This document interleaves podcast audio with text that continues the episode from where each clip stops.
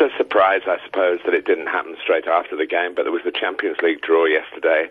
So I suppose you can't really sack your manager when your team's going into the uh, draw for the elite European competition in the last 16. Uh, maybe that had something to do with it. You never know with the stock exchange and the share prices and all the stuff that goes on behind the scenes in big football club administration. But the truth of the matter is, um, no, it's not a surprise really. Uh, it was, I think, almost maybe what Jose wanted. You know, we've thought this before when he left Chelsea. Funny enough, three years ago, the same week, in almost similar circumstances, he left Chelsea um, for um, well, obviously for within the same sort of parameters. Really, seems to lose. Uh, obviously, losing matches, but losing a relationship with the players. I'm not saying he loses the respect of the players, but certainly the relationships don't seem very good. Um, and yeah, he's gone. I think story-wise, glamour-wise, the, um, the Premier League will be a bit less for it. But I'm not sure how much glamour, the old glamour, is still there. He seems a quite a sad, disconsolate figure, really. I would imagine that uh, the name of the successor now is being speculated about, but uh, would would you say frontrunners are the Tottenham coach and maybe Zidane, whose name has always been linked with the club since he left mm. Madrid? And at some point, there were even reports that he was taking English lessons. Yes, I, I think those reports are probably true, but um, no one's come up with any exclusives yet. So they are two at the top of the list, I would say. Pochettino's done a press conference since Mourinho was sacked because he's got a League Cup game against Arsenal tomorrow, and obviously he's um, trying to avoid any distractions about it. But he's obviously a, a manager who's proving that he's got a team higher than Manchester United already. So uh, it's all um, it's all going um, you know well from his point of view. Why would he want to go? Um, why would he want to go elsewhere? Uh, Martin, how much of a factor was the Pogba situation in all this? I think it's just one part of it. It certainly didn't help. I think the um, the fact that we saw Pogba sitting on the bench in the rain at Anfield looking particularly gloomy and he wasn't used in a match where Manchester United was struggling to um, get a foothold in, although there was quite a period of the game where it was 1-1, where he thought he might have even been able to tilt it their way. But they were second best on the day, and yeah. though the two goals ended up with, um, you know, deflections, uh, it ended up um, a right scoreline. It was a correct result for the day. So, um, yeah, there'll be all these stories will come out, but uh, he's, he's, he's been a great manager. Whether he believes he will be a great manager again, I don't know. You'd have to ask him. I would imagine that uh, it's difficult to talk about Man United situation now without bringing Arsenal into the fray, particularly given that they also, like Man United, have had a long time with one coach who then, when he left, well, in the case of Man United, there had been what is happening now, three occasions now, and Arsenal seems to have got the formula right. What is it that they did that Man United can't seem to get right? That's a good question. I guess they went for somebody of a proven um, managerial record with a club that's been successful in Europe in, in, with Emery. David Moyes had been a wonderful manager at Everton, but within the parameters of the Premier League, really. And he's ended up with um, uh, obviously a difficult nine months he had in the job, and they didn't give him much time.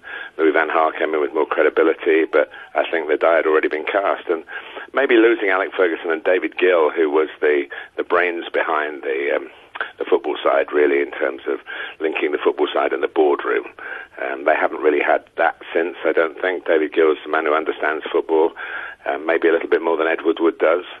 So that was a blow for them, and it was quite poignant, I think, for those who follow Man United to see um, the former manager and the former uh, boss of the boardroom um, sitting side by side while the, the game went on, you know. It's a million thoughts. Yeah, they were deep in thought.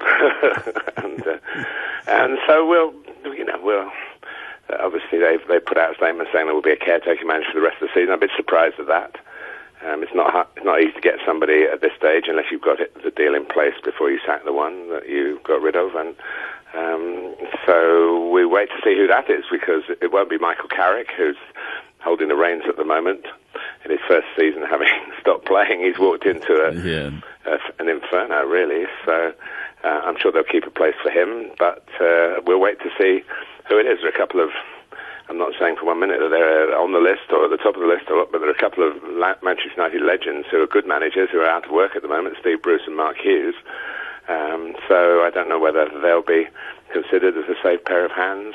Brian Robson's at the club all the time. He's an ambassador for the club. He's uh, had a good stint as a Premier League manager in the past. So I don't know. I, I, that that will come out very quickly. Yeah. Um, then we'll have to wait longer to find out when the um, when the real long-term replacement is uh, is given the the honour. It's a considerable honour, but uh, obviously it comes with a bit of baggage now as well. Are they just becoming another club, Man United, Martin, uh, having a manager after every other season? Would you think that Liverpool became just another club because they didn't win the Premier League since they haven't been Champions League since 1990? They're Manchester United with all that goes with it. It's just the expectations are extremely high.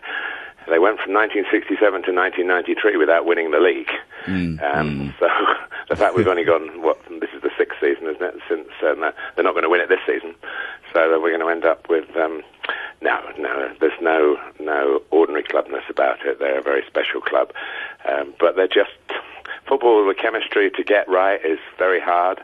Um, and when you lose it, then it's sometimes hard, harder to get back than it is when you're seeking for it in the first place. So um, I think they've had a, a, lot of success, Manchester United. The Manchester United supporters are used to that, and obviously the shortfall they feel Yeah. is more painful than it is for the Liverpool fans of today, who go, well, you know, we, many of them perhaps not born when the la- team last won the league, so they they come second, and it's not so bad for Manchester United come second. Although Jose Mourinho said it was his best, one of his best achievements last year, um, and and of course everyone wants more. So it's fascinating. Be a neutral point of view. It's always interesting. It's what I guess keeps people like me who've been around this business a long time always on the ball and on the boil because you know I was I was talking to some school kids, some eight-year-old school kids at my old primary school, a school that I left in 1956, and I was talking to them when somebody tapped me on the shoulder and said Mourinho's gone. So it's one of those places you'll remember where you heard it. And uh, obviously, even the kids, the eight-year-olds that we were talking to, they were a buzz about it as well, and lots of questions about who was going to be next um, from eight-year-olds and from an experienced pro like you, Alfie. I haven't got the answer. Martin, once again, thanks very much, and Merry Pleasure, Christmas Alfie. and uh, uh, Happy New Year to you. and to you, my friend. Talk soon. re buisana le ene go sala ga le Martin Tyler go na le metshameko ya League Cup e tla beng e tsweletse maitsiboeng ano ke kwa tla beng a le gone jaanong e e tsositse dikgang tema ya ga morenyo o ka re leletsa mo 0898605665 go ya ka mokgwa batho ba le bantsi ba ne ba bua ka ene go lemosa gore maaforika borwa ba ba na le ke tshegisitswe ke metla e batho ba e dirile mo social media stela. Gore bangwe ba re eh, ba bontsha gore bomma morata ke mang. O ka dumela gore leina la ga male le tlhagelela. Solidas tlhageletse leina la ga solidas um le lengwe la la maina ao ke dumela gore celtic e ka se ka ya itumela.